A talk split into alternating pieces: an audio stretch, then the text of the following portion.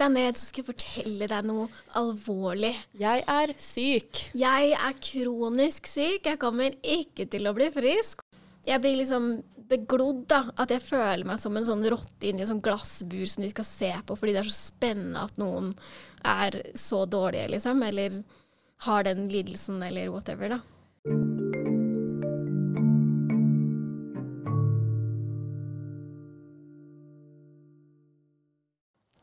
Velkommen til Også pasient, en podkast om usynlig sykdom laget av meg, Kine Albrigtsen.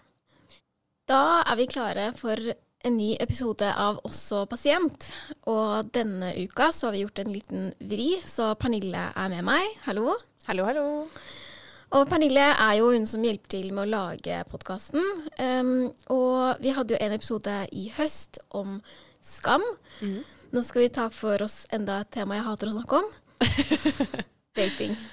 Jeg setter så pris på at jeg kan få lov til å være den personen som bare dytter deg utfor stupet hele tiden.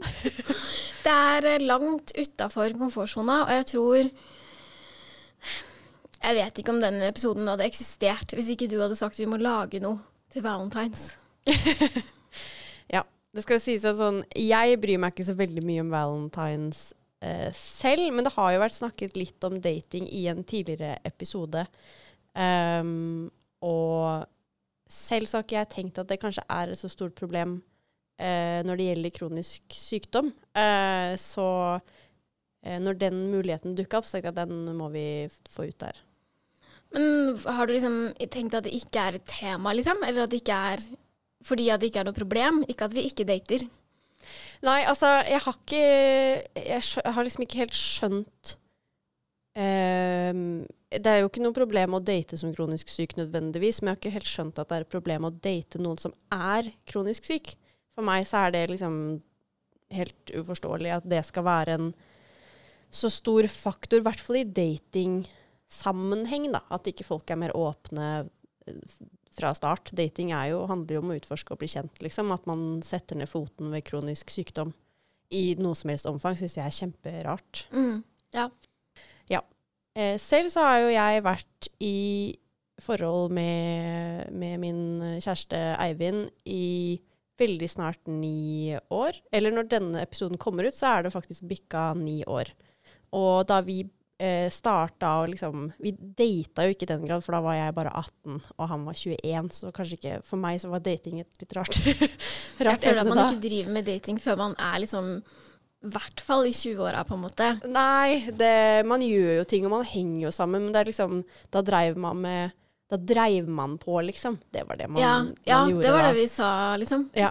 Så, og så føler jeg at date er mye mer sånn Det er mye mer sånn avgrensa greie. At det er sånn, Da går vi på middag, eller da gjør vi noe mer sånn romantisk, liksom. Man har steppa opp gamet Men Mm. litt. det gjorde man på en måte ikke så mye da man var 18. I hvert fall ikke da vi var 18, da, tydeligvis. Nei, nei, for meg så var ikke det et begrep da, for så vidt.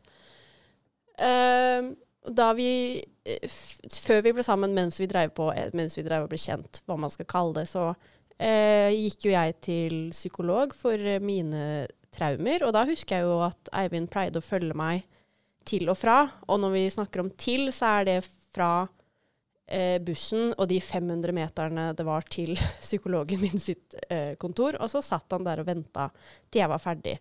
Eh, og så hang vi sammen etterpå, eller han fulgte meg tilbake til bussen, og jeg dro hjem.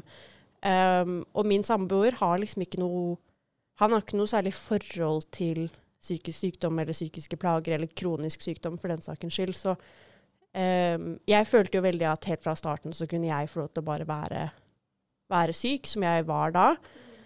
Um, så jeg føler jeg hadde liksom så grei og enkel vei inn, så det har nok kanskje gjort at, at jeg ikke selv ja, ser at det har vært Eller at det kan være en så stor utfordring, da, rett og slett. Men liksom, ja, fordi han sa ikke så mye om det? Eller jeg vil jo tro at når du ikke har så mye erfaring med psykisk sykdom, at det kan virke litt sånn Oi, må du psykolog, og at det er så alvorlig, på en måte? Jeg, jeg var så åpen om det fra start av. Det var liksom, Ja. For meg så var det aldri for, Jeg var ganske åpen om det selv på den tiden da uansett, så for meg så var det kjempenaturlig å prate med han om det, og han visste liksom det, og følte nok kanskje at jeg måtte advare han litt om sånn alt er ikke helt topp i toppen her, på en måte, men eh, Eh, men det var en åpen dialog hele veien. Han var ikke noe sånn, var ikke noe sånn overnysgjerrig eller uinteressert for den sakens skyld i det. det. For han så var det like naturlig som at man må til legen eller tannlegen eller gå på skolen eller Mhm. Sånn, det var bare noe jeg måtte gjøre, og det skjønte han, liksom. Ja. Det hørtes jo veldig behagelig ut, da. Jeg syns det var helt topp. det tok jo vekk ganske mye av mine Eller kanskje litt skrekk for å dra til psykolog òg. Så det satte en ganske fin grunnmur for et forhold som jo har vart, vart i egentlig hele mitt voksne liv, da, til nå. nå. Ja, ikke sant.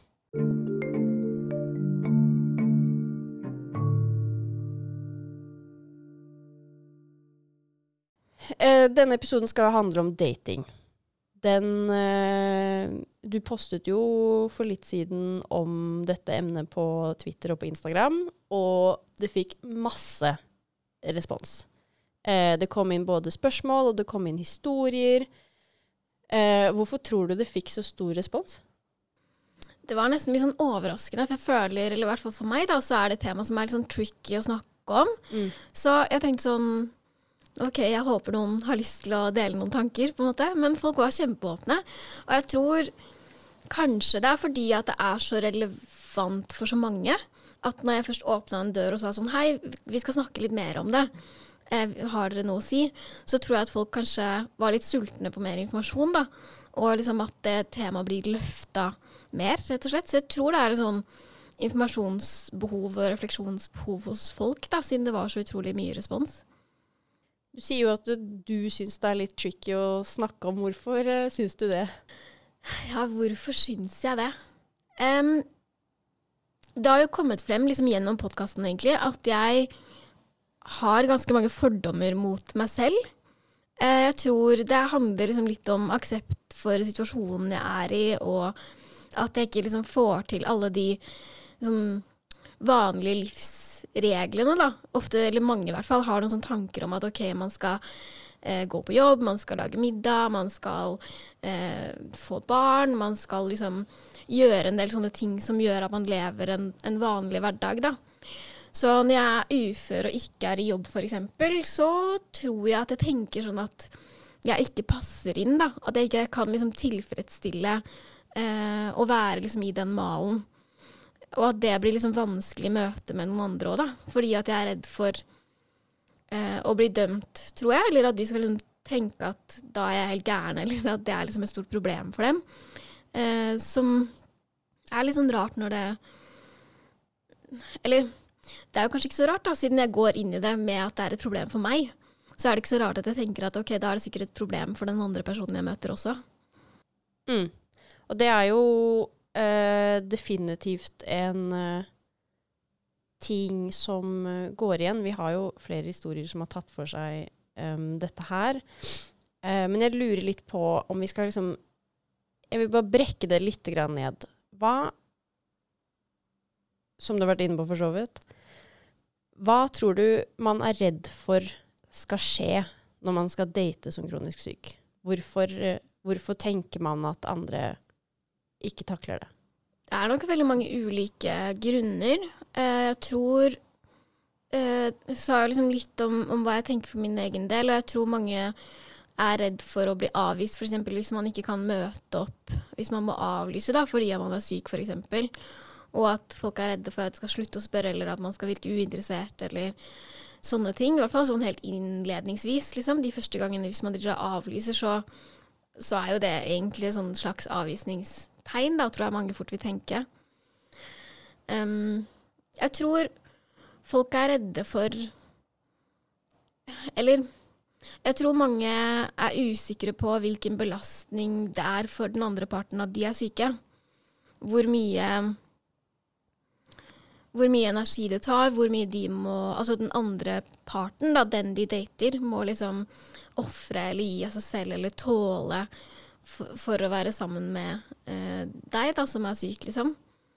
Jeg tror folk er redde for å bli dømt. Jeg tror det kan liksom sitte igjen ganske mye hvis man har møtt noen dårlige holdninger hos folk, både dater og andre, liksom. Så tror jeg at det lett sitter igjen at OK, men det er et problem. Det er noe galt med meg. Og at det liksom identitetstanken om å være syk ikke er så veldig mye å skilte med i datinglivet, da. Særlig ikke sånn som det er nå, når det er liksom Tinder, det går på utseende. Um, du skal liksom møte folk fort, du må være på, du må være attraktiv. Det er liksom så, mange krav liksom, som man kanskje ikke kan møte, da. Eller kanskje kan møte, men så sier man at jeg er syk, men det har egentlig ikke veldig mye å si for deg. Og så er man likevel redd for at den andre personen uh, ikke syns at det er greit, da. Men kan det ikke da hende at man undervurderer uh, motparten innimellom da? Eller at man liksom spenner litt bein, bein på seg selv før, før situasjonen i det hele tatt er der? Jo, jeg tror jo det. Sånn som med meg, da. Når jeg tenker sånn OK, men jeg er ufør, og det er et problem. Så er det ikke så veldig rart at jeg liksom tenker at det er et problem for de jeg skal date òg, på en måte. Og det er ikke sikkert det er det. Så sånn sett så går jeg liksom inn i det med, med, med liksom en negativ innstilling, da, som jo gjør at jeg ofte lar være i det hele tatt. på en måte. Jeg bare dropper det. Dropper hele datingopplegget, så slipper jeg å deale med det, på en måte. Ja.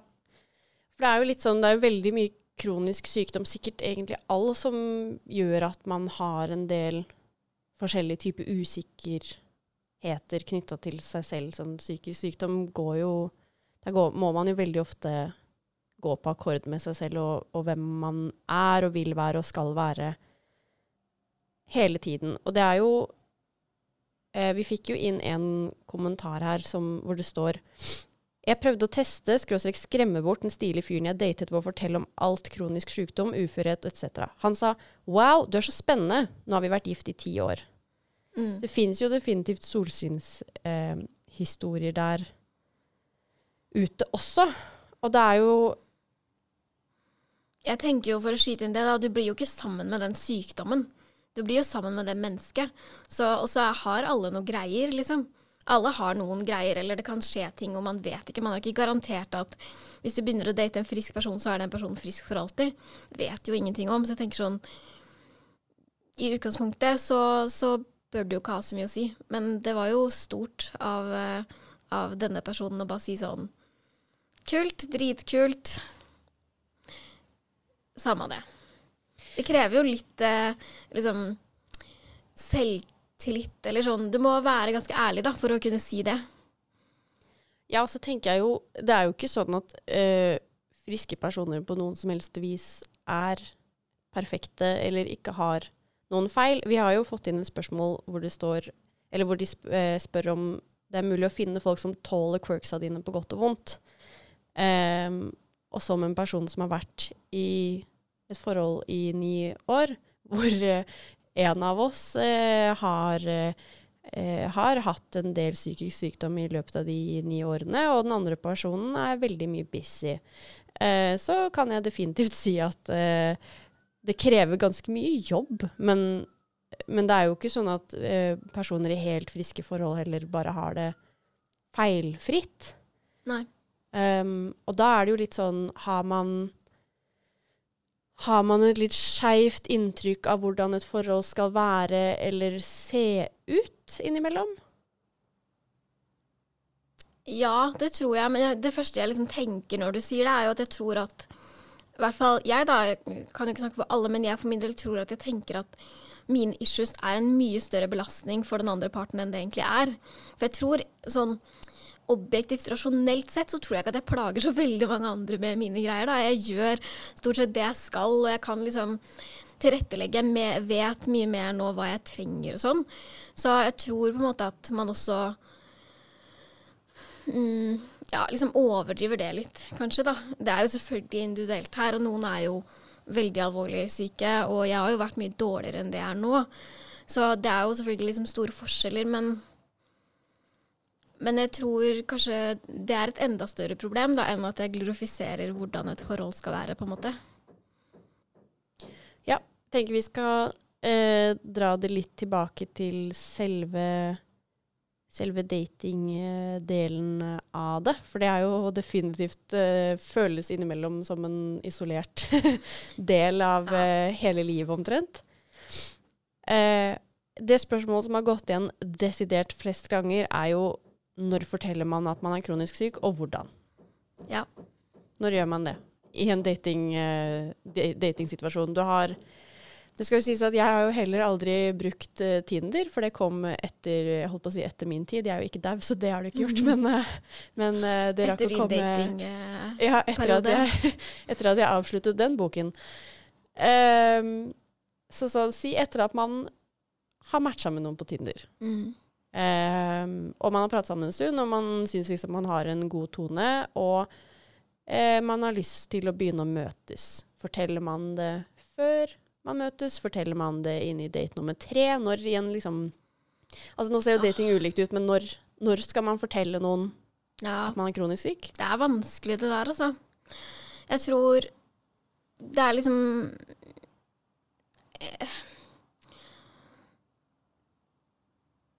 Jeg tror at eh, man ikke liksom trenger å si det. Det var jo noen som skrev inn sånn Man sier jo ikke sånn 'Hei, jeg heter Kine, og jeg er psykisk syk'. Første melding på Tinder, liksom. Det trenger man jo ikke. Og det er jo bra, for man skal jo ikke være definert av at man er syk heller. Nei, og du har ikke meldeplikt heller, liksom. Nei. Du må jo ikke si sånn By the way, dette er alle greiene du får med meg på lasset, liksom. Det er sånn OK, la noen komme på kroken litt først, liksom. Så, men det er jo helt klart en balansegang. Jeg tenker sånn At det kan fint gå noen dater, egentlig. Kanskje sånn date to, tre. Og da vet man liksom mer sånn OK, jeg liker deg, jeg har lyst til å se deg igjen. Hvis det er liksom en en sånn type datingrelasjon som, som gjør at man tror det er noe mer, da. Hvis ikke det bare er sånn 'hei, vi skal ligge sammen', så tenker jeg sånn, da er det kanskje ikke så viktig heller, eller? Nei, og det er jo Det er jo en ting som, som jeg lurer på her nå, er litt sånn hvorfor Er det sånn at man sitter under alle samtaler med denne andre personen, hver gang det dukker opp en notifikasjon på f.eks. Tinder, Tinder, eller du får en snap, eller du får en melding, eller hva det skal være, er det sånn at hver gang du skal svare, så sitter man liksom og tenker Hm, skal jeg fortelle det nå? Jeg, jeg føler fort at det blir en sånn følgefeil av, eh, av liksom innvikla forklaringer. Fordi i hvert fall for meg så starter det allerede når de sier 'hva driver du med'? Mm. så må jeg si Eller jeg må jo ikke si noen ting, men jeg kan si mye forskjellig, da. Jeg kan si jeg lager podkast, jeg kan si eh, jeg studerer, som jeg har gjort inntil nylig. Inntil nylig har jeg også hatt en jobb, så jeg kan si jeg jobber. Eller jeg kan si eh, jeg er ufør, jeg gjør ingenting akkurat nå. Jeg er syk, jeg er sykemeldt. Jeg em, er på jobbleting, som også er å kamuflere at du ikke skal jobbe med det første. Det er så mange sånn Der kommer det et valg da, som jeg må ta veldig tidlig i relasjonen. Som jeg tenker at liksom former svarene mine videre. Så hvis jeg sier sånn ja, jeg lager podkast, så er det jo en del som henger seg opp i om jeg tjener penger på det, om jeg har produksjonsselskap, hvordan jeg gjør alt det. Og da begynner det igjen, ikke sant. Hva skal man si da? Så jeg føler at grunnen til å si det, er for å slippe alle de der bortforklaringene.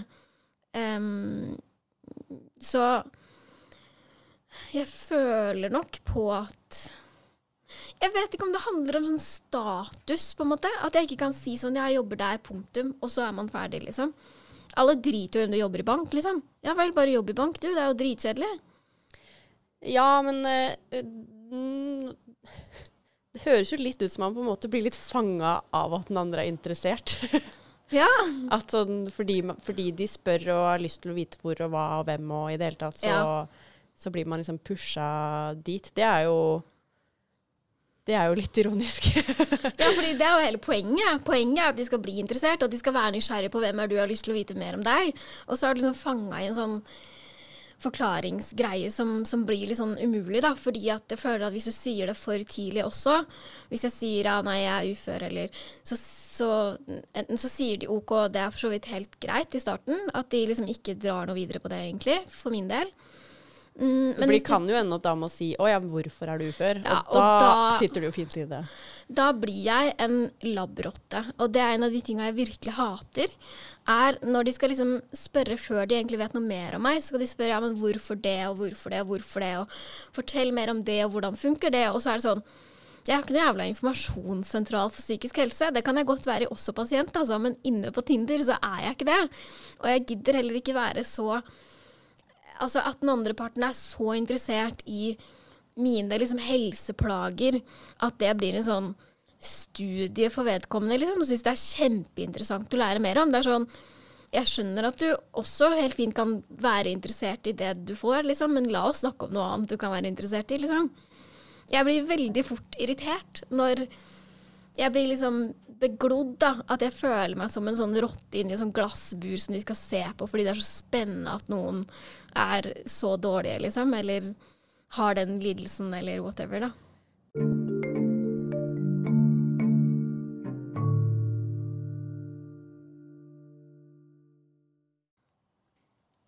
Kan man vente for lenge med å fortelle at man er kronisk syk i en uh, datingprosess? Det er kanskje litt kjipt å kalle det prosess, men en dating Nei, det er jo det, er det ikke det? Ja. ja, man kan jo vente for lenge. Jeg tenker jo at det er liksom Hvis du har solgt inn noe veldig mye bedre enn det det er, da. At du ikke må ta noen begrensninger, og du er med på alt, og kanskje dere dater masse, og så endrer man seg plutselig. At det er litt rart også. Um, så jeg tenker jo liksom at du vil Vil kanskje få et liksom forklaringsproblem liksom hvis du sier det for seint òg. Fordi da er det sånn Ja, men du har klart dette og dette og dette, og vi har gjort det, og du driver jo med sånn og sånn, og bla, bla, bla. Og så, og så blir det liksom vanskeligere å ta det på alvor, på en måte, da. Eller at det blir litt sånn eh, veldig overraskende at man har vært så syk hele tiden, men så har det ikke virka sånn, eller Men samtidig det er kanskje lettere å akseptere, da. Det var jo noen som spurte om, eh, om nettopp det som hvordan Hvordan skal man forklare, eller hvordan skal man selv forholde seg til den andre, med tanke på at man har gode og dårlige perioder eh, ofte når man er kronisk syk. Hvordan, hvordan skal man gjøre det tydeligere? Hvordan skal man hjelpe den andre til å Eller ikke hjelpe, jo, man skal jo ikke sitte og hjelpe andre mennesker heller, men ja, hvordan skal man selv forholde seg til at man rett og slett kanskje blir litt utilregnelig i perioder? Jeg tenker jo ikke utilregnelig sånn Nei, ikke juridisk definisjon, da. Men, men um, jeg tenker at det egentlig ikke er et så stort problem, da. Fordi da kan man på en måte si at uh, Enten liksom når det oppstår en situasjon, da, at du ikke kan komme og si sånn Du, det handler virkelig ikke om deg, men jeg er ikke i form. De fleste aksepterer det hvis man er interessert. Så tror jeg folk kan gjøre det ganske tidlig, nesten allerede på første date. At hvis du sier sånn Sorry, jeg kan ikke likevel, men kan vi ta det den dagen? Ja, det går bra. Um, og så tror jeg det handler om å, å si det, da. Det som liksom går igjen for å være helt Lørdagsrådet, så er jo svaret alltid kommunikasjon, ikke sant. Og akkurat det er en sånn ting som jeg tenker at man kan si ganske tidlig, da. Eh, og bare si at du, noen ganger så kan jeg ikke fordi at jeg er i dårlig form, men jeg vil gjerne møte deg, jeg liker deg godt, så kan vi gjøre det da i stedet, eller kan vi gjøre dette i stedet? Kanskje man kan gjøre en enklere aktivitet, eller kortere, eller at det er mange sånne ting, da. Og det tenker jeg at du må ikke følge med hele rekka om hvorfor og fordi, og det har vært sånn før, og du må liksom ikke dra hele livshistorien på en måte med en gang, da. Det kan komme liksom gradvis. Vi har jo så vidt uh, nevnt dette her med uføre, og at det kan være litt ubehagelig å ta opp veldig tidlig. Men det er jo noe som mange kanskje generelt opplever at er ubehagelig. Mm. Um, og det er også en ting vi har fått mye spørsmål sånn når tar man den pengesnakken, eller jobbsituasjonssnakken, eller livssituasjonssnakken, og hvordan, hvordan gjør man det? Altså, Det må jo bare være en disclaimer i denne episoden at det er jo ikke sikkert at jeg er rett person å spørre. det kan hende vi burde spurt noen andre, eller at vi kan spørre noen andre i tillegg. Um, fordi jeg har vært på, på Tinder-dates, altså, og jeg har liksom data folk over en periode. Men for min del så stopper de opp, ofte opp nettopp på grunn av det, da. At jeg blir litt sånn åh, jeg orker ikke ta alle de vurderingene, og jeg vet ikke, og jeg vet ikke hva jeg skal gjøre, og hva som er lurt. Men akkurat det økonomiske så tar det jo ofte litt tid før man får felles økonomi. Så det er vel noe man er interessert i på et overordna nivå, om man har en økonomi som går rundt, da. Og det er det jo mange som har, selv om de er uføre. Så det er jo liksom ikke Det utelukker jo ikke at man har ok økonomi, eller at man Det betyr jo ikke at man har masse gjeld, eksempel, da. Man Jeg tenker jo at den økonomibiten kan komme litt sånn naturlig, på en måte.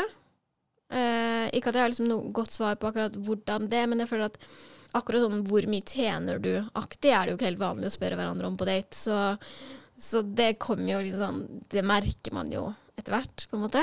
Mm. Og at det blir liksom mer aktuelt hvis man skal kjøpe bolig og sånn. Man vet jo hvordan det står til, men at det er liksom mer sånn de samtalene hvor man går veldig sånn i dybden på det, da.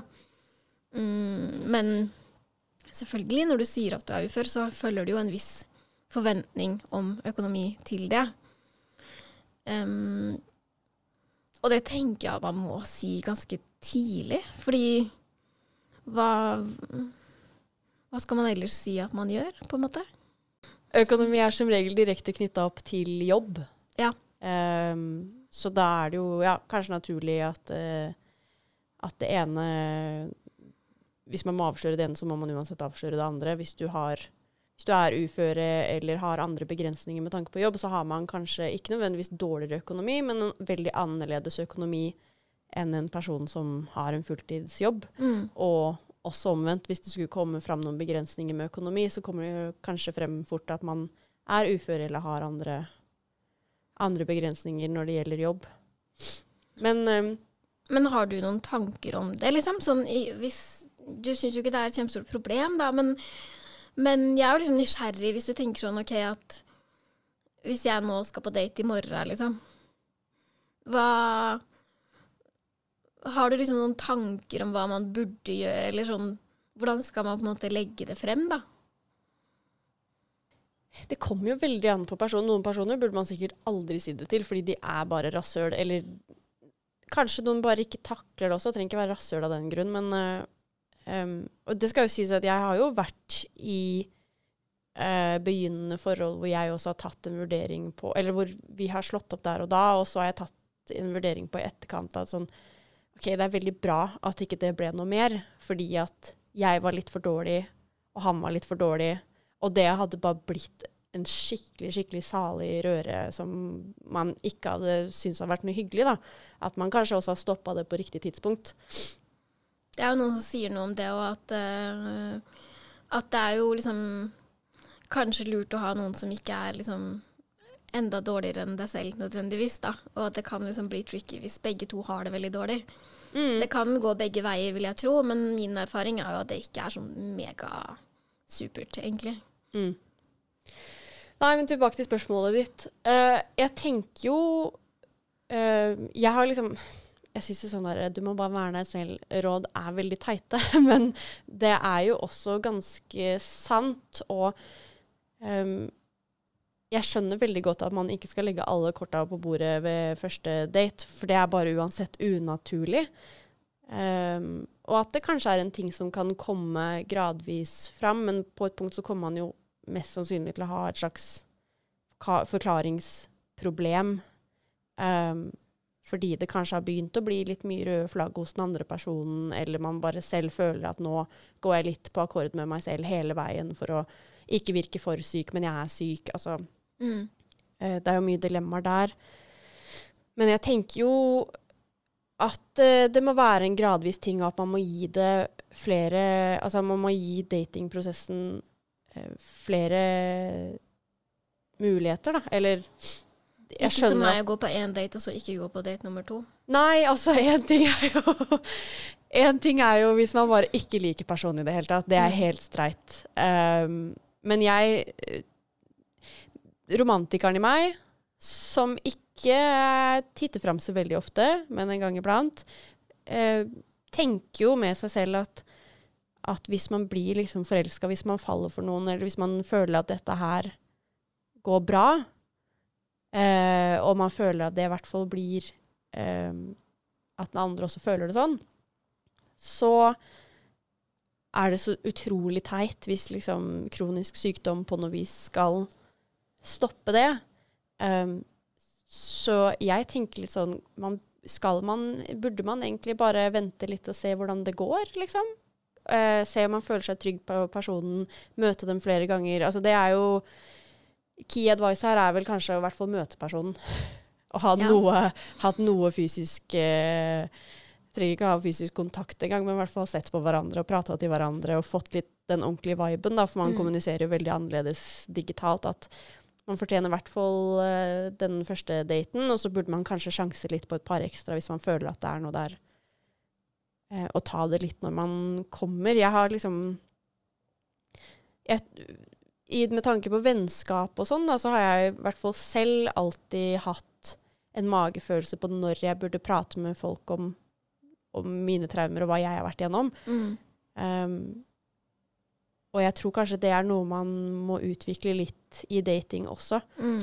At det kommer litt med tiden. Du må kanskje ha data et par ganger og rett og slett eh, gått på trynet et par ganger og møtt skikkelig rasse mennesker før du liksom skjønner at oi, dette her føles jo godt, og det føles trygt, og det er fint. Um, og når man kommer til det punktet hvor man faktisk føler seg trygg, at det er et godt tidspunkt å, å, å fortelle litt mer, da. Mm. Det er jo Det var jo noen som hadde en teori om at eh, det var derfor mange kronikere eh, dater folk de kjenner fra før av. Ja. Um, fordi at det er liksom lettere, da. Fordi da vet man liksom noe av det i bunn. Jeg vet ikke om det stemmer, men jeg føler at jeg har gjort litt det ved å være så åpen på internett. At det er ganske lett å finne ut av eh, mine greier, og at jeg er så opptatt av psykisk helse. Og jeg skrev jo i Dagsavisen at jeg var ufør før jeg sa det til familien min. Jeg har liksom gjort en del sånne ting som gjør at det er ikke så veldig vanskelig å finne ut av heller. Så hvis folk gjør litt research, så er det ikke liksom Det er ikke hemmelig.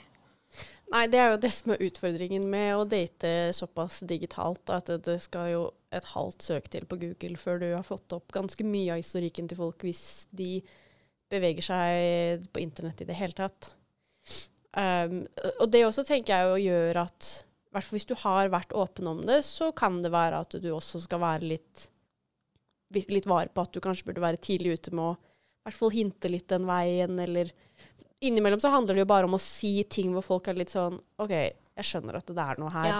Mm, okay, jeg føler at det er liksom noe med det, da. Man trenger ikke ta den derre Sett deg ned, så skal jeg fortelle deg noe alvorlig. Jeg er syk. Jeg er kronisk syk, jeg kommer ikke til å bli frisk, og jeg skal være ufør for alltid. Det er liksom veldig dumt, da. Og jeg tror kanskje ikke at det er så sant heller alltid, da. Nei, og det er jo skremmende. Hvis noen kommer ned og sier liksom Ja, da hadde jeg tenkt sånn OK, jeg backer ut nå, liksom. Jeg rygger ut døra, takk Jeg skal meg. ikke ha noe med dette å gjøre. Så jeg tror jo det er liksom noe med å ufarliggjøre det litt også, på en måte. Ikke at man skal bagatellisere det, men ja, som du sier, da, ta det liksom mer naturlig når det føles rett. på en måte. For det er jo som du sier, jeg har jo veldig den magefølelsen med vennene mine.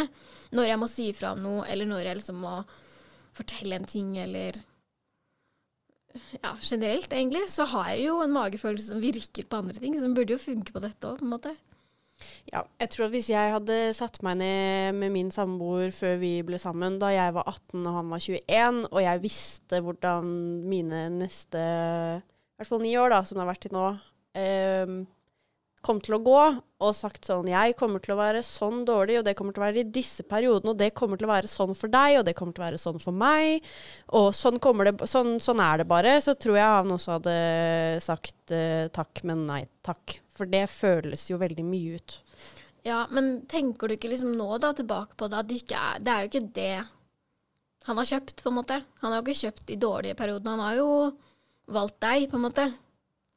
Jo, altså, og vi har det jo veldig bra sammen, så det er ikke sånn at eh, Men, men det er litt sånn hvis man ikke har fått smaken på det gode, og du får liksom putta alt det dårlige opp der, så blir man jo skeptisk. Mm. Eh, så det er noe med det å liksom ease people into it òg. Du Ja, må jo være realistisk, liksom, men du trenger ikke Du trenger kanskje ikke legge opp verst eh, mulig scenario, på en måte, men Nei. si sånn Sånn fungerer jeg. Em, dette her kommer nok til å vare for alltid, men, men også være liksom klar på at, at her, må, her må jeg også jobbe for at jeg skal ha det bra, og for at du skal ha det bra. Det er jo også noe man må huske på i, før man skal inn i et forhold, at du tar jo den personen med de sidene den har også. Mm. Eh, Og så føler jeg at mange av de tinga som, som jeg strever med, da er jo jeg eh, veldig vant til. Så det er jo ikke det at det er så overraskende for meg, på en måte. Som også er litt sånn Ja, OK, altså nå gjør ikke jeg det, da, men for eksempel sånn Ja, nå skal jeg på sykehuset og få medisiner. Og det gjør jeg så så ofte, og det går bra. Eller jeg driver og tar en vaksine for eksempel hver sjette uke. Så er det sånn Det er jo på en måte ikke noe nytt for meg, så det er vel også noe med det, da. At det er jo litt sånn Du skal jo mer si sånn Sånn er min hverdag enn så utrolig syk er jeg, på en måte. Det blir jo litt sånn Det folk skal vite, er jo bare hvordan hverdagen din ser ut. Og hvordan det er for deg, liksom. Og det er jo Jeg tror det er annerledes, da, å si sånn Ja, jeg har eh, Jeg har eh, den og den sykdommen, og det betyr det og det og det, liksom, enn å si sånn Ja, du, i dag skal jeg en tur til legen, liksom. Skjønner du hva jeg mener? ja, ja, ja. Jeg tror det er forskjell på liksom, hvordan man legger det frem, da, og hvor alvorlig man får det til å virke. For det er jo noen som er ekstra glad i at det høres kjempealvorlig ut. Og da kan man jo få den minste ting til å høres ut som at man snart skal dø, liksom. Og det tror jeg ikke har noe for seg i denne settingen. Nei, det er jo definitivt tungt å skulle gå inn i et forhold med noen som man tror snart skal dø. Det er jo å utsette ganske mange parter for, for mye leit. Og jeg vet ikke om det kanskje høres litt sånn kjipt ut at, eh, at den som er syk, på en måte selv må ta litt ansvar for å, for å pakke det inn. Gjør det det? Er det litt sånn, Skal man legge ansvaret der? Jeg syns jo ikke det, da, fordi det er jo din sykdom, liksom. Du må jo lære deg å håndtere den, og da må du liksom presentere den på en OK måte for den andre personen også. I hvert fall sånn, jeg da som ikke vil at noen skal redde meg, f.eks. Jeg vil ikke ha noen som bare skal synes kjempesynd på meg og tenke at de skal hjelpe meg, og så skal de være en prins, liksom, og stakkars meg og buhu, liksom. Så vil jeg heller ikke komme til å legge det frem på en sånn måte som at det er et alternativ. Så jeg tror jo liksom den historien da, og det narrativet som det heter, sitter man jo på selv, og det er jo ikke noen andre som kan ta ansvar for å presentere det på den måten som er best for deg, liksom. Så det tenker jeg at det må man ta ansvar for. Du har eh, ansvar for deg selv. Ja, så er det jo litt sånn Hvis man skal sammenligne det med noe som kunne skjedd i hvilken som helst eh, dating- eller forholdssituasjon, så hvis noen hadde kommet til deg og sagt Du, vet du hva, jeg har 500 000 i kredittkortgjeld. Punktum. Ja. Så hadde man jo tenkt Ja, OK. Men hvis noen hadde kommet og sagt jeg har hatt litt økonomiske problemer, men jeg har prata med banken, og jeg har en plan på hvordan jeg skal jobbe med det. Mm. Så hadde man tenkt ja, ja, OK, men da har de jo styring. Ja, ja, hvis de er i et løp, liksom, så tenker jeg ok, men da har de i hvert fall tatt ansvar. Og det viser jo bra ting, ikke sant. Det, jo, det viser jo eh, styrke og handlekraft og alt de greiene der, som er ting man vil ha. Så da er det litt sånn ok, men du fikser jo i hvert fall det, da. Det er jo liksom Good for you. Ja. Og det er jo noe man heller vil se hos folk, enn at de skal tenke sånn Å ja, du har lagd de problemene sjøl og ikke gjort en dritt med det, liksom. Da blir jeg jo mindre interessert. Ja. Men det er jo kanskje også en forutsetning når man skal date, da, at man kanskje ikke er på sitt sykeste, men at man har eh, At man har liksom begynt, hvert fall begynt å finne ut av det, og har litt verktøy og, og jobber mot en friskere fremtid, liksom. Jeg tror jo liksom mange ting kan Altså, det er nok ganske mange forhold som holder gjennom at man er veldig dårlig òg, men jeg var jo i, i et forhold hvor jeg eh, jugde mye. Eller sånn Jeg liksom lurte han fyren og sa sånn ja, jeg hadde, var veldig spiseforstyrra, så jeg drev, gikk på tur før vi sto opp, og så gikk jeg og la meg igjen, og så var det litt sånn Ja, nei, lata som ingenting fordi at jeg visste at han sov, og gjemte liksom matvekta og løy om hva den skulle brukes til og sånn. Og det er liksom Det er litt sånn dårlige premisser å, å ha et forhold på, kanskje. Ja, det jeg, Jeg kan jo ikke snakke på vegne av min samboer, men en ting som har vært veldig viktig for meg, og som jeg tror er viktig for ham, for jeg tror han hadde klart å skjule seg veldig mye fra meg, eh, er jo å være Man blir utspekulert, da, det skal sies. Altså spiseforstyrra folk. Man blir så dårlig at du blir ekstremt god på å liksom finne sånn løsninger som folk tror på. De tror på de underligste ting. Hvis du bare liksom pakker det inn i en sånn pakke og gir det inn og sier sånn Det er sånn det er. Og så sier folk sånn Å ja. Og så bare OK, her står jeg liksom bare styrer på rett foran øynene dine, liksom. Ja. Så det kommer an på hvor fanga man er, tror jeg. Fordi det var ikke det at jeg ville lure kjæresten min, men jeg var så syk at jeg liksom ikke Jeg klarte ikke sette det forholdet foran, da. Man sier jo ofte at hvis du har en spiseforstyrrelse og er et forhold, så er det tre stykker i det forholdet. Mm. Og det tror jeg det er noe i, fordi at det blir så utrolig sånn overstyrende, da. Fordi at det er en sånn kraft som gjør at du skal drive med så mange ting, liksom. Du skal trene og spise det og det, og du skal liksom holde på med så mye greier, da. Som Mm. gjør at det tar mer plass, egentlig, enn det det tar å være i et forhold, på en måte. Så det handler nok litt om, om hva det er, på en måte.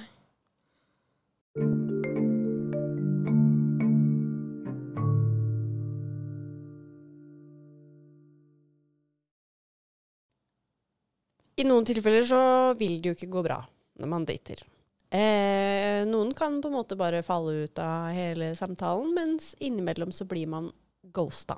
Og det er jo et eh, begrep som jeg heller ikke har eh, fått eh, si oppleve så mye. En opplevelse jeg ikke har fått oppleve så mye. Fordi at det ble liksom mye vanligere etter Tinder sitt fremtog. Så jeg antar jo at det er veldig kjipt å bli ghosta. Ja. Og det er mange som også lurte på det. Hvorfor Altså, dersom man blir ghosta etter at man har fortalt at man er kronisk syk, hva skal man gjøre da? Det spørs jo liksom litt på relasjonen, tenker jeg. Hvis du tenker sånn OK, det Du er en dust, liksom, så er det kanskje ikke så vits i å si så mye, da, hvis ikke man har møttes så mye. Og litt sånn hvis det er Jeg for eksempel er ganske dårlig til å svare på samtaler på Tinder, fordi jeg bare Jeg boikotter det prosjektet så ofte, da. At jeg bare går ikke inn i appen. Så sånn sett så kan det jo godt hende at liksom, det har blitt opplevd som at jeg ghoster andre. Det som skjer da, Hvis det er liksom noen som jeg har hatt en samtale med, så går jeg ofte inn på Tinder og skriver bare sånn Du, sorry, jeg ser at jeg liksom ikke har tid og kapasitet til å date akkurat nå. Det var ikke meninga å liksom ikke svare, på en måte. Mm, men så blir det jo liksom mer og mer alvorlig holdt jeg på å si, jo mer man har møttes, da, føler jeg. Så jeg ble jo date... Nei, jeg ble jo data, herregud. Jeg ble jo ghosta Eller jeg har blitt ghosta flere ganger, men ofte så er det en litt sånn gjensidig tanke om at vi skal ikke møtes igjen, på en måte. Og da er det også litt sånn Da gidder jeg ikke gjøre så mye med det, fordi jeg har ikke noe interesse av det, på en måte. Men så var det jo liksom en fyr for eksempel, som jeg holdt med en stund, noen måneder, liksom. Og så bare ble det mer og mer stille, og så tenkte jeg sånn Nå Det er ghosting som er greia nå, liksom. Det er planen din, på en måte. Og da sa jeg faktisk ifra, da. Så sendte han en melding og sa sånn Du, hva, hva skjer nå, liksom? Hva er det du driver med? Um, og så har vi jo liksom hatt Vi hadde det jo ganske gøy sammen, så jeg sendte også en sånn uh, Ghostbusters-gif. du vet de der spøkelsene, og så er det sånn skilt over, sånn stoppskilt rundt. Og så står det sånn, uh, sånn stoppskilt over uh, Eller sånn, hva heter det? Sånn der forbudt-skilt, heter det. Jeg har ikke Over- lappen, så her må du ta styringa. Ja, nei, det er et sånn eh, forbudt-skilt over eh, spøkelser. Ja. Som er liksom en Så del av. Ghostbusters-logoen. Ja. Ja. og det syns Jeg tror han også syntes det var litt gøy at jeg bare var så direkte. At jeg var sånn Hallo, hva er det du driver med, liksom? Og så sendte jeg en sånn Ghostbusters-logo-gif, da.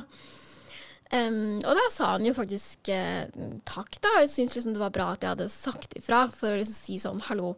Du må i hvert fall si ifra når vi har liksom eh, data i liksom flere måneder, så er det ryddig å i hvert fall si sånn sorry, Mac, det var ikke jeg Altså si hva du vil, egentlig. Bare si ifra, liksom. Så jeg føler at det er litt sånn Det kommer litt an på hvor lenge man liksom har snakka sammen og, og sånn, men jeg tror det er noe med at jeg får lyst til å lage et poeng ut av det. Jeg får lyst til å si sånn Det er ikke greit. Du må si ifra. Selv om det er dritkjipt å si jeg liker deg ikke på den måten, eller det var ikke noe kjemi, eller bare alle de tinga der. Det er jo kjipt, men det er jo ting man ikke kan noe for. Og sannsynligvis så sier du jo det. Du sier jo ikke 'jeg syns du var stygg', eller 'jeg syns du er for syk', eller 'jeg syns du Jeg syns du har liksom stygt hår, eller du er for nerd for meg, liksom. Du sier jo ikke det. Du sier jo et eller annet som er liksom mer eller mindre sant, da. Ja, hvis du møter på noen av de som kommer med sånne grunner for å dumpe deg, så burde du være glad for at du ble dumpa, tror jeg. Det er Det er, de folka det. som havner på Tinder-mareritt på Instagram. Det er, Så du, det er jo bare å være liksom hyggelig og si sånn Du, jeg beklager, men bla, bla, bla. Og så er man liksom ferdig da. Jeg tenker at det er på en måte mer ubehagelig, men for en kortere periode, da. Mens jeg tror at eh, både å ghoste og bli ghosta er liksom litt ubehagelig ganske lenge. Til man tenker sånn OK, men nå, nå kommer det i hvert fall ikke noe mer, da. Så jeg tror jeg sa ifra også for min egen del, da. For å vite at OK, nå er det det som skjer, vi skal ikke ha noe kontakt mer. Og da har vi liksom avklart det, da. Fordi det er liksom sånn jeg liker å operere, på en måte. Men er ikke også Altså, ghosting er jo litt uh, name of the game, på en måte. Det er jo ikke Og det er jo en ting som også skjer alle som sånn, Der kan du jo si hei og bli ghosta, på en måte. Det Ja, er jo åpenbart ikke Ja. en så sår situasjon nødvendigvis, men eh, men eh, Og ja, helt enig i at hvis man begynner å komme litt ut i denne relasjonen, så er det jo helt fair å si fra, eller i hvert fall be om en forklaring hvis man har blitt ghosta selv, men um, men det er jo også kanskje noe man må forberede seg litt på. Og det er ikke fordi man er syk, men fordi, man, fordi det er sånn det er å date.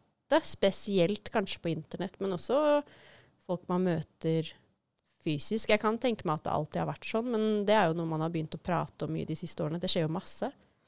Ja, og så føler jeg at en ting som er viktig å huske på både for, for meg og antageligvis en del av de som hører på, da, er jo at det å være syk, da, å komme inn liksom på datingmarkedet, eller kall det hva du vil, bare ikke kall det kjøttmarkedet, som er verdens ekle stor, så, så er liksom det at du er syk, er jo bare enda en faktor de kan ta stilling til. Mens andre folk har jo kanskje noe annet. Eller Jeg tenker at det må ikke være det mest definerende eller avgjørende her. Det kan like greit være at de At du bare ikke har kjemi med den personen, eller at de syns det er vanskelig at du er veganer, eller at du ikke er veganer, eller at du eh, er en selgertype, og det liker du ikke. Altså, det er så mange andre ting da, som det kan være. Så det er jo litt sånn Det eneste som er feil med meg, er at jeg er syk. Det er også litt sånn feil å tenke da. Så jeg tenker at man må, må på en måte huske på det òg. At det er mange andre ting folk både kan like og se forbi sykdommen, og at det er mange andre ting som kan stå i veien for at akkurat dere to skal eh, få en relasjon da, som varer, på en måte. Så jeg vet ikke Kanskje man bør på en måte senke Senke liksom tanken om hvor ille det er å date når man er syk. Ja, og så kanskje også ha litt eh, selvinnsikt til å vite når man er i form til å gjøre det og ikke. Det var jo noen som sendte inn som sa det at, at når eh, man matcher med noen på Tinder, så får man jo en selvtillitsboost, boost, og så eh, begynner man å tvile på seg selv, og så kanskje man har én date og blir ghosta, eller kanskje man selv avlyser den daten. Um, og opplever det kanskje som et avslag uavhengig, selv om det er ditt, ditt eget valg eller ikke å avlyse. Eh, og så går det på en sånn evig runddans. Jeg tenker jo at hvis man blir mye lei seg av det Og det er ikke det at det er, altså det, det er legit å bli lei seg for det, altså, men hvis man blir lei seg av den prosessen, så kanskje man rett og slett ikke kan være på Tinder akkurat nå. Mm. Ja, jeg tenker jo, tenker jo også det at det er litt sånn Jeg føler egentlig at friske folk også nesten må ha dating som en hobby. Fordi man må liksom gjøre det ganske sånn aktivt. Du kan på en måte ikke gå på to dater i året som jeg vil at skal være mulig, på en måte. Du må Det er mest for at jeg ikke gidder, da, eller for at jeg ikke Ja, interessen er ikke så stor, men det er jo nettopp det jeg mener. At man må liksom holde litt på med det. Du må gå på en del dårlige dater, for du, ofte så møter man jo folk ganske fort på Tinder, som gjør at du liksom må møte flere folk. Du må sjekke ut kjemien, du må bla, bla, bla. Kanskje du møter noen når du er ute. Det er liksom så mange sånne ting som gjør at du liksom må ha en viss stamina til å holde på litt, da. Til man møter noen som du har lyst til å bruke mer tid sammen med. Og da må man jo også ha tid til å Eller tid og energi, da, og mulighet til å være en del sammen, som man jo er i starten uansett, da. Så hvis man ikke har det, hvis du vet at jeg har ikke det generelt sett, så er det jo også kanskje litt sånn feil, feil tidspunkt, da. Eller at Tinder kanskje ikke er veien å gå, i hvert fall. Nei, det er jo nettopp det at hvis man møter noen Hvis man møter noen man har kjemi med bare på jobb eller på en fest eller whatever, så kan man jo ganske tidlig kanskje kjenne på at det er noe der. Mm. Eh, og det er på en måte enklere å bare sånn Bare ja, satse på det, da, eller jage etter det og se om det funker. Der er det jo det er fortsatt ting som må klaffe. da, Begge må være single, og begge to må være på et sted i livet hvor man føler at man er klar for det. Bla, bla, bla. Men, men når man driver med, med digital dating, online dating, eh, så møter man jo mange mennesker som man kanskje har kjemi med på nett, men som man ikke har kjemi med i virkeligheten. Mm. Det er jo et ganske stort poeng òg, at man innimellom så bare funker det jo ikke. Mm. Og det er jo kjedelig å være sånn jeg har vært på x antall Tinder-dates, liksom. Ingen av dem fikk en date nummer to, eller én av de fikk en date nummer to. Det er selvfølgelig dritkjipt, men igjen, det er jo litt name of the game, på en måte. At der må man teste ut litt. For det, jeg kan ha kjempegode samtaler med folk på nett hvor jeg bare Det hadde ikke funka i virkeligheten, liksom. Det hadde bare blitt kleint og rart, for man passer egentlig ikke sammen som personer, men man passer kjempegodt sammen skriftlig fordi man Kanskje man har hengt i litt i samme digitale miljøene, og du, du skriver likt, rett og slett. da.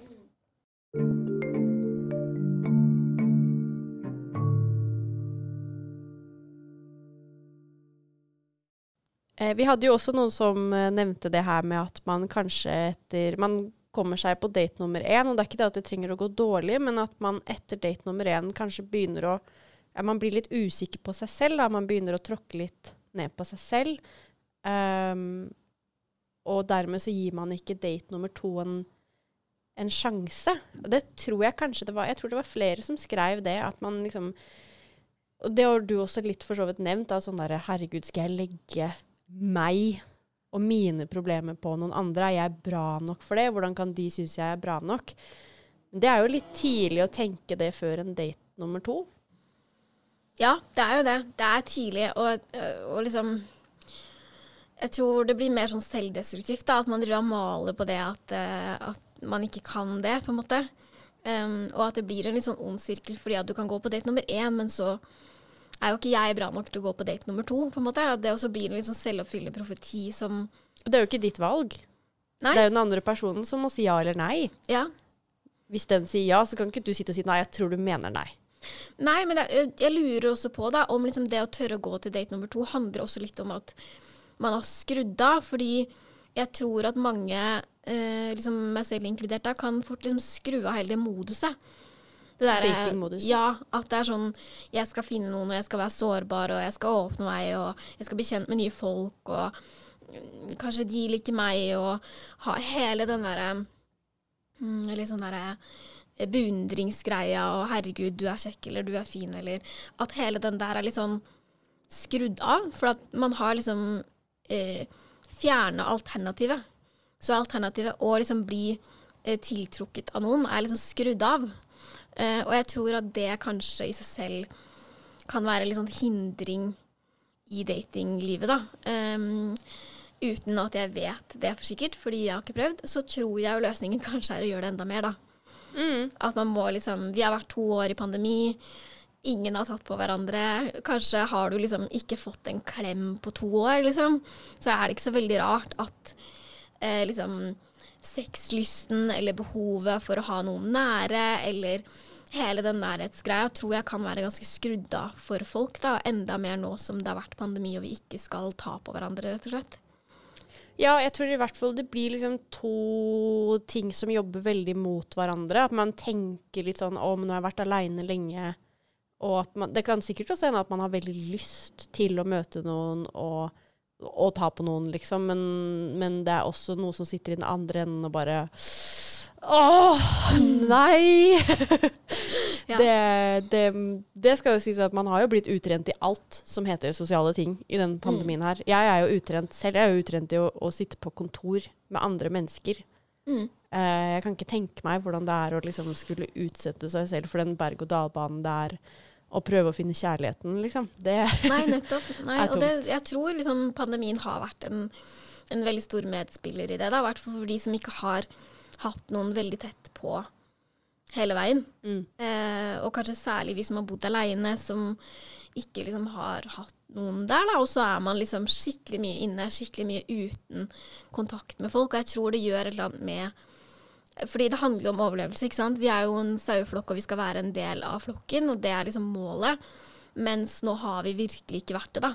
Eh, Jeg tror at man da fjerner det behovet fordi at det er for liksom sårbart eller skummelt, eller man er for liksom sånn utstøtt, da, hvis man skal drive og tenke hele tiden på det man ikke får, eller liksom at man ikke, ikke får dekt det behovet, på en måte. For det er jo et behov eh, vi har. Um, jeg vet ikke om du har sett det derre apeeksperimentet? Nei.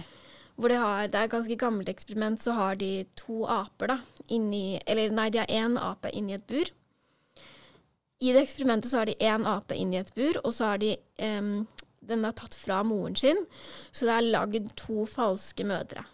En i ståltråd som har en flaske med melk, eller hva nå enn de spiser, og en eh, mamma uten eh, melk og mat, men som er myk. Og den apen lærer skikkelig fort å gå til den myke mammaen. Mm. Og den går nesten bare dit. Den er så vidt innom eh, for å få mat når den liksom må ha det, men så går den til den myke moren fordi at vi trenger det, liksom. Det er så viktig, da. Selv om du får dekka det du tenker at er et basalt behov som mat hos hun ståltrådmoren, så går du så fort tilbake til den myke, pelskledde mammaen, da. Og det kan du se på, på YouTube hvis du søker det opp. Jeg kan legge det i episodebeskrivelsen. Som er helt sånn hjerteskjærende, som de bruker mye for sånn tilknytning og barns tilknytning og sånn, da.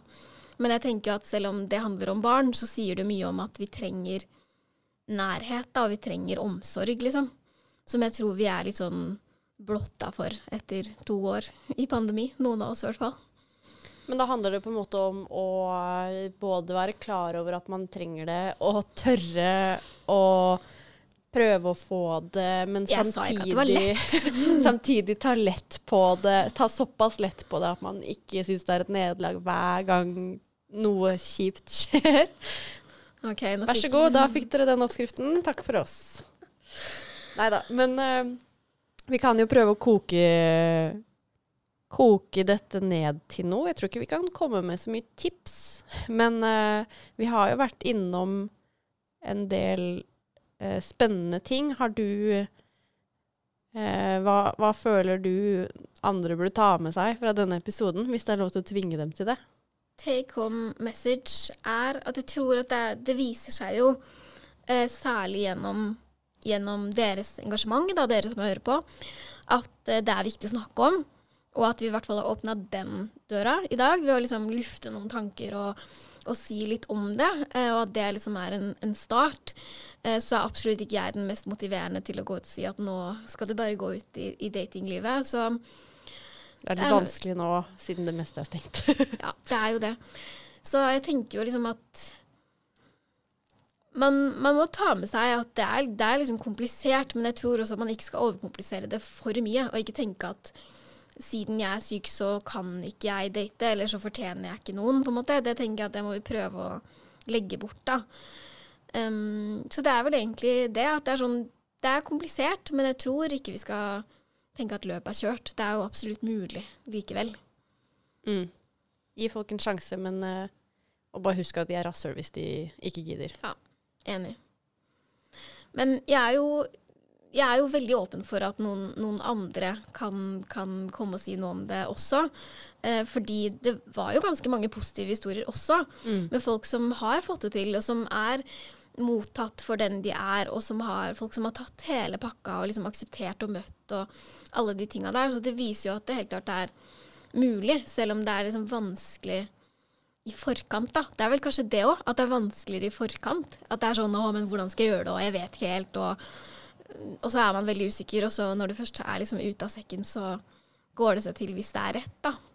Ja, jeg tror det er faktisk noe folk må huske på, at det å date er veldig nervepirrende. Sånn, jeg, tror, jeg tror det nesten helt umulig å ikke føle seg som en tenåring igjen. Og det er ikke noe godt å være tenåring inni seg uansett. Så eh, ja, det er en nervepirrende prosess uansett. Og man byr veldig mye på seg selv uansett. Eh, det er klart, man føler jo kanskje at man har litt ekstra bagasje når man er syk, men det har de aller fleste, liksom. På godt og vondt. Og det kommer bare litt an på om den bagasjen klaffer eller ikke. Ja, jeg er enig. Jeg syns jo det er noen fine tanker, og jeg er jo veldig glad for at vi har liksom åpna den, den døra i dag. Um, og så håper jeg at folk sender melding eller mail eller eh, svar på Twitter, eller gjør hva dere vil hvis dere har lyst til å snakke mer om det, eller mene mer om det. Kanskje dere vil anbefale en gjest, hvem vet. Um, så får vi se da hva jeg skal være gjest i neste gang i min egen uh, podkast. Ja, vi uh, Hvis dere liker uh, litt mer sånn med enda mer spissa temaepisoder som dette her, så er det jo hjertelig velkommen til å komme med forslag til det også. Det er jo Du syns jo det er litt ekkelt, men jeg tror du syns det er litt gøy innerst inne også. Ja, ellers hadde jeg jo ikke vært her. Nei, ikke jeg heller. Da er det bare én ting igjen å si, og det er ha det bra. Ha det godt.